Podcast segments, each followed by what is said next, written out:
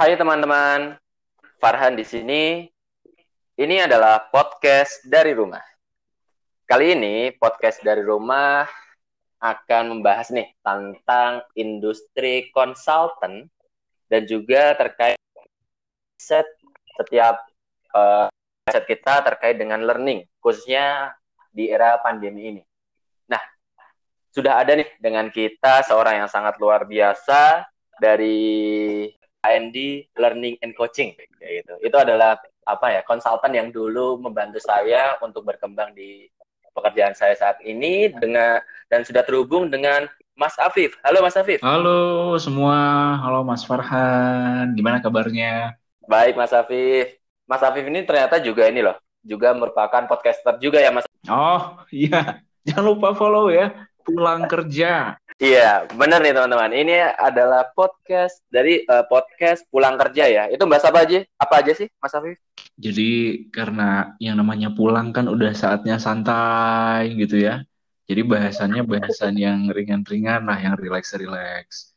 Hal-hal yang ah. kejadian di tempat kerja atau mungkin ketemu di jalan, diomongin di podcastnya gitu ya atau di berarti mungkin podcast gosip juga ya mas ya podcast gosip juga ini gosip oh. jadi gosip-gosip jalanan juga juga bisa nih oh iya iya bisa dibahas lagi ya jadi ini uh, kita akan bahas ya Mas Afif ya terkait dengan industri konsultan nih. Apalagi kan Mas Afif kalau di AND sebagai apa Mas? Kalau boleh tahu Mas? Iya, saya di sana sebagai learning director. Sekarang saya lagi uh, bersama tim coba menggarap uh, micro learning ya. Jadi training nggak lagi harus tatap muka tapi bisa lewat aplikasi tuh di HP gitu. Karena apa namanya? Apalagi itu ya Mas ya. Kalau apa namanya saat ini kan kita sedang pandemi jadi hmm. terkait dengan learning ini jadi jadi sebuah concern juga ya untuk semua perusahaan. Hmm, betul. Jadi AND melihat itu ya sebagai sebuah apalah sebuah apa namanya sebuah peluang yang bisa nih untuk diambil. Oke. Oke, itu nanti kita akan coba bahas lebih dalam, Mas. Ya. Kayak gitu. Nah, tadi kan Mas Afif udah jelasin nih terkait dengan siapa nih Mas Afif ya gitu.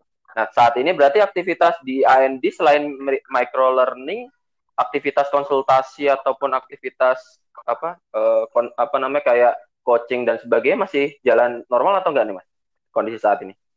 Sekarang justru lagi bersiap-siap ya. Jadi kan sempat di hold beberapa project justru nanti masuk hmm. bulan Juni itu sudah siap-siap tuh dengan proyek-proyek yang lain karena kita kan sekarang sudah lebih longgar ya dalam tanda kutip pemerintah sudah mulai uh, menyesuaikan aktivitas-aktivitasnya nggak seketat kemarin. Hmm. Sekarang justru bisa oh. memudahkan untuk mobilitas lagi gitu. Ya paling tidak di area-area dekat lah.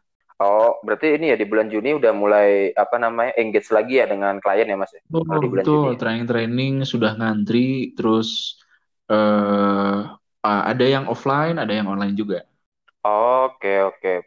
Berarti kan apa namanya kalau dari segi engaging dengan in, apa namanya daerah sekitar ya Mas, berarti ke Bandung dulu atau udah mulai luar pulau? Bandung, juga? Bandung dulu.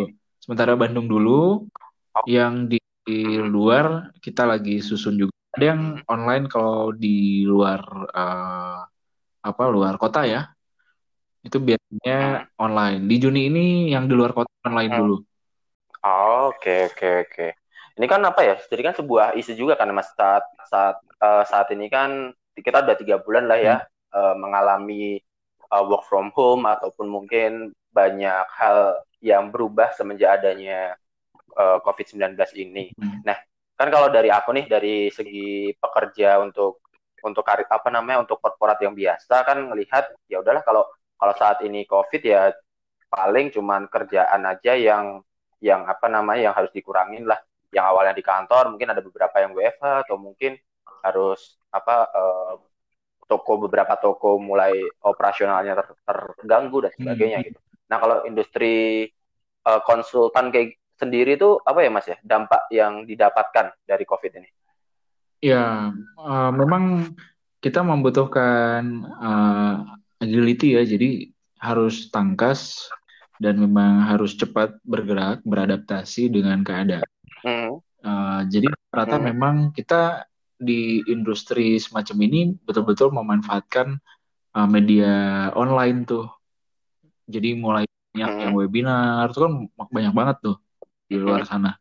Terus uh, ya sharing dan training-training online online juga mulai digalakan. Nah cuma saya itu dan tim kenapa memakai konsepnya micro learning supaya training ini betul-betul bisa dilakukan secara online layaknya training beneran gitu. Karena kalau okay. di platform-platform populer sekarang kan biasanya uh, kalau misalnya belajar online, oh oke okay, kita lihat dalamnya ternyata mm -hmm. cuma video atau live enggak mm -hmm. atau enggak video animasi mm -hmm. terus tes gitu kan. Video tes, video tes, video mm -hmm. tes. Sedangkan kan training bukan mm -hmm. cuma video. Iya, yeah, transfer knowledge aja. Gitu. Makanya supaya aktivitas yang ada di training itu ditransformasi ke uh, aktivitas-aktivitas yang on secara online tapi dalam dalam apa uh, petunjuk aktivitasnya itu layaknya training biasa kayak misalnya gini contohnya uh, kalau misalnya um, ada uh, presentasi ya katakanlah presentasi terus kita minta peserta buat presentasi itu kasih tugas. Kalau live hmm. mungkin dia harus dia harus uh, pakai uh, di depan layar langsung kan gitu. Kalau enggak kalau kalau yeah. dia rekam dulu terus nanti dia upload lagi ketika di pertemuan berikutnya. Nah, pertemuan berikutnya itu kan dia harus buka laptop, benar nggak? Harus terhubung ke internet, benar. harus duduk, harus ada di satu yeah. tempat. Nah, saya pengen yeah. semua itu pengen semua bisa dilakukan di mana aja karena yang namanya HP itu udah intim banget sama orang dia bisa lakukan mm-hmm. itu sebatas dia dan genggaman aplikasi aja gitu jadi lebih fleksibel mm. kan salah satu ini kan mas uh, apa namanya isu ter- isu training yang saya pelajari juga dari AND maupun saya pelajari di Egerindo adalah terkait dengan experience experience mm-hmm. experience bagi uh, peserta trainingnya kayak gitu yeah. nah apakah apakah dengan sistem micro learning atau beberapa sistem online yang sudah disiapkan oleh AND itu bisa untuk itu mas kayak menjamin experience-nya itu tetap fully gitu, fully experience gitu layaknya kita di kelas.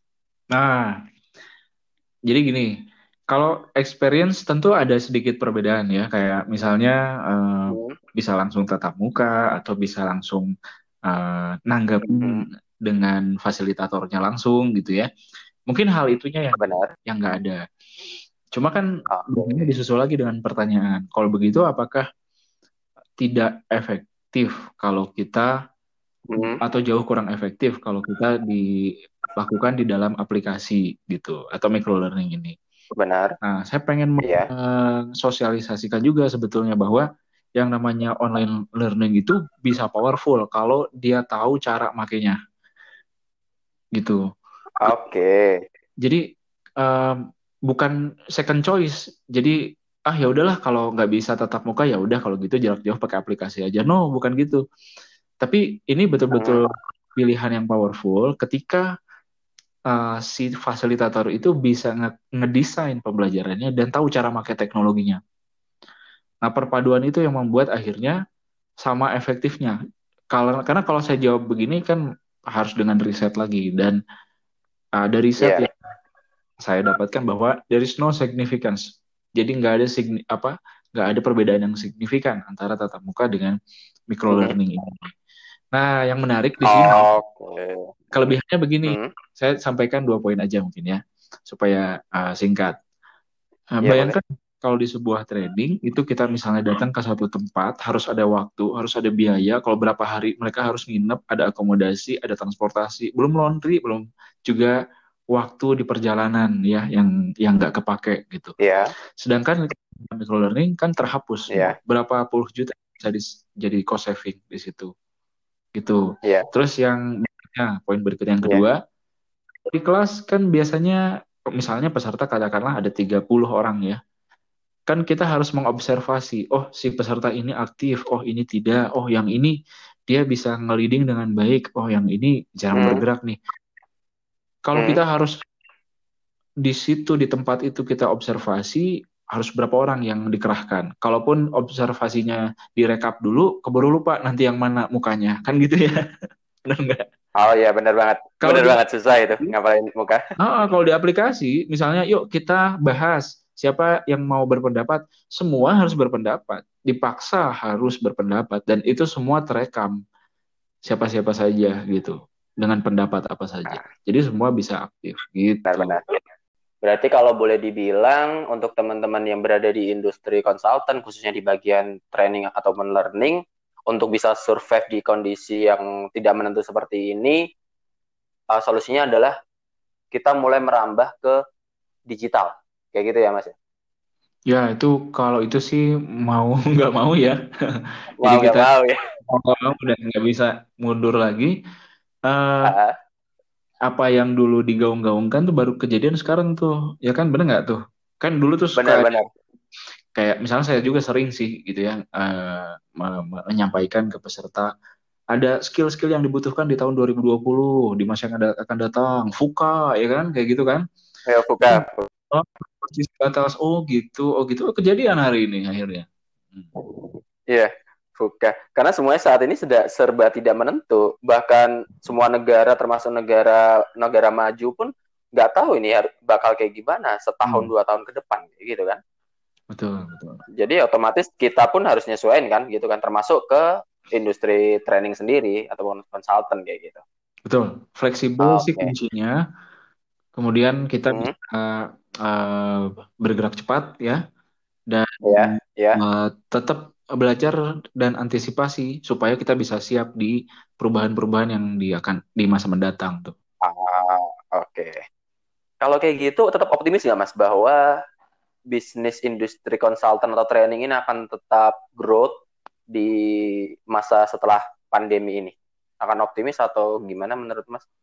Oh ya, sangat optimis ya. Jadi memang uh, justru ini adalah uh, peluang untuk pengembangan SDM di masa yang akan datang kan artinya kita bisa nemu gap-gap yang lain tuh. Oh, oke. Okay. Yeah. Di kesiapan dengan uh, teknologi kesiapan dengan yeah. tantangan-tantangan seperti ini. Tadi kalau yeah. Mas Farhan bilang bahwa kita harus juga uh, belajar banyak dengan skill-skill yang lain ternyata ya yang dibutuhkan di era sekarang. Yeah. Kreativitas yeah. dan lain sebagainya. Jadi hmm. um, kebutuhan SDM pasti akan selalu ada. Selama itu hmm. ada, tentu akan terus berputar dan berjalan. Tinggal bagaimana kita hmm. tetap menyasar kebutuhan uh, industri itu dengan uh, cara-cara uh, yang efektif ya. Kita berusaha hmm. pendekatan-pendekatan juga yang uh, selalu memenuhi kebutuhan-kebutuhan uh, SDM mereka gitu. Nanti tinggal oh, dalam dalam deliverynya aja. Apakah apakah harus online, apakah di blend, ataukah hmm. justru hmm. nanti kita buat uh, program yang tetap offline namun evaluasinya bisa jarak jauh itu tergantung sih sangat ah, oke okay. berarti berarti kalau intinya selagi masih ada manusia yang dikembangkan di sebuah perusahaan tentu industri konsultan ataupun industri training sendiri akan tetap growth ya mas ya? Kayak gitu ya? Pasti pasti. Itu pasti pasti selalu ada. Pengembangan ya. itu pasti ada. Nah kalau kayak gitu mas untuk uh, apa namanya karyawan-karyawan yang mungkin nih perusahaannya belum mampu untuk menyewa konsultan atau mungkin perusahaannya masih dalam proses uh, eh, UMKM atau pro, apa proses-proses awal nih meniti karir dan hmm. dan apa belum ada investasi gede untuk training menurut Mas bagaimana sih cara karyawan-karyawan atau seluruh orang di dunia ini khususnya ya apa namanya uh, generasi milenial untuk apa namanya bisa tetap belajar dan berkembang hmm. walaupun kondisinya serba tidak menentu kayak gini Mas Oke, berarti itu ya Mas ya kalau terkait dengan proses learningnya itu memang berubah, tetapi experience-nya itu bukannya berkurang, tetapi uh, experience-nya itu bisa dibilang uh, akan tetap sama tapi dengan metode yang berubah gitu ya. Betul. ya? Tetap, tetap ya? kita okay, masih okay. tetap bisa kalau mau pakai Zoom juga kita bisa blend. Uh -huh. Simulasi demonstrasi tetap ada karena kita bisa provide bahkan peserta bisa kita ajak praktek di lapangan dia bisa dokumentasikan sendiri lewat video yang direkam. Ini loh pak kita dia bisa upload gitu. Oke oke. Berarti sebenarnya dengan adanya uh, pandemi ini membuat industri konsultan itu secara secara spesifik untuk industri training itu uh, apa namanya dalam tanda kutip merubah bisnis modelnya ya? Kayak gitu ya mas ya? Ya ya kurang ba oh. banyak yang memang uh, sebagian besar banyak yang berubah ya. Hmm, hmm, hmm, berarti memang itu ya kalau kalau kayak gitu berarti uh, apa namanya uh, untuk industri uh, proses training ke depan pasti untuk semua perusahaan akan sangat mempertimbangkan penggunaan teknologi ya dalam proses mereka training. Karena mungkin kita nggak tahu nih ke depan uh, proses PSBB ini akan ber berlangsung berapa lama dan pasti dengan itu semua perusahaan juga akan mempertimbangkan online pastinya kayak gitu kan ya betul betul jadi uh, saya lihat juga beberapa perusahaan akhirnya uh, berkonsentrasi atau memberikan apa hmm. proporsi perhatian lebih ya terhadap hmm. teknologi hmm. meskipun uh, teknologi yang mereka punya sebetulnya udah ada tuh dulu mungkin hmm. juga sudah sudah hmm. di sistem sekarang lebih dioptimalkan yeah. saya lihat mereka lebih uh, banyak untuk bisa mengoptimalkan uh, semua fasilitas yang ada gitu. Oke, jadi uh, buat teman-teman nih yang masih muda, saya juga masih muda loh. Kita sama-sama milenial dan teman-teman Gen Z dan semua every young man. You are so good kamu itu ada di zaman yang luar biasa sekarang. Karena segala semua sumber daya informasi teknologi itu sebetulnya mendukung banget peluang banyak tinggal gimana kita manfaatin itu. Nah, penting buat kamu yang masih merintis usaha untuk uh, segera cari mentor kalau belum punya. Ya kalau ada uh, coba uh, manfaatin tuh kesempatan-kesempatan ilmu dari siapa saja sebetulnya. Kenapa penting punya mentor? Karena uh, supaya kita bisa meminimalisir frekuensi dari trial error. Kan gak semua orang sanggup error terus-terusan. Kadang-kadang keburu gosong, keburu capek, keburu lelah, keburu stres. Gak semua orang juga punya sumber daya yang cukup untuk trial terus-terusan. Keburu duitnya habis, ya kan? Keburu kepake ini itu, akhirnya nggak muter. Nah, supaya kita bisa uh, punya percepatan, mending langsung nge-model ke orang yang terbukti berhasil ya sama aja kalau dalam proses kami kita ke konsultan dan lain sebagainya sama kok gitu yang paling mudah ya cari mentor dari situ kita bisa ngemodel tentang cara apa yang terbukti berhasil dan di situ kita bisa kembangkan gitu ya sesuai dengan model bisnis kita gitu jadi silakan teman-teman manfaatkan belajar dari mana saja banyak banget sekarang makin orang makin kelihatan ya di media-media online siapa saja expert dari mana saja yang bisa kita coba ikuti dari bidang-bidang yang sesuai ya dengan kita. Oke, itu aja dari saya. Makasih nih Mas Farhan nih sudah bincang-bincang di podcast dari rumah. Mudah-mudahan bermanfaat walaupun sedikit inspirasi dari saya bisa nyampe ke teman-teman ya. Oke, terima kasih.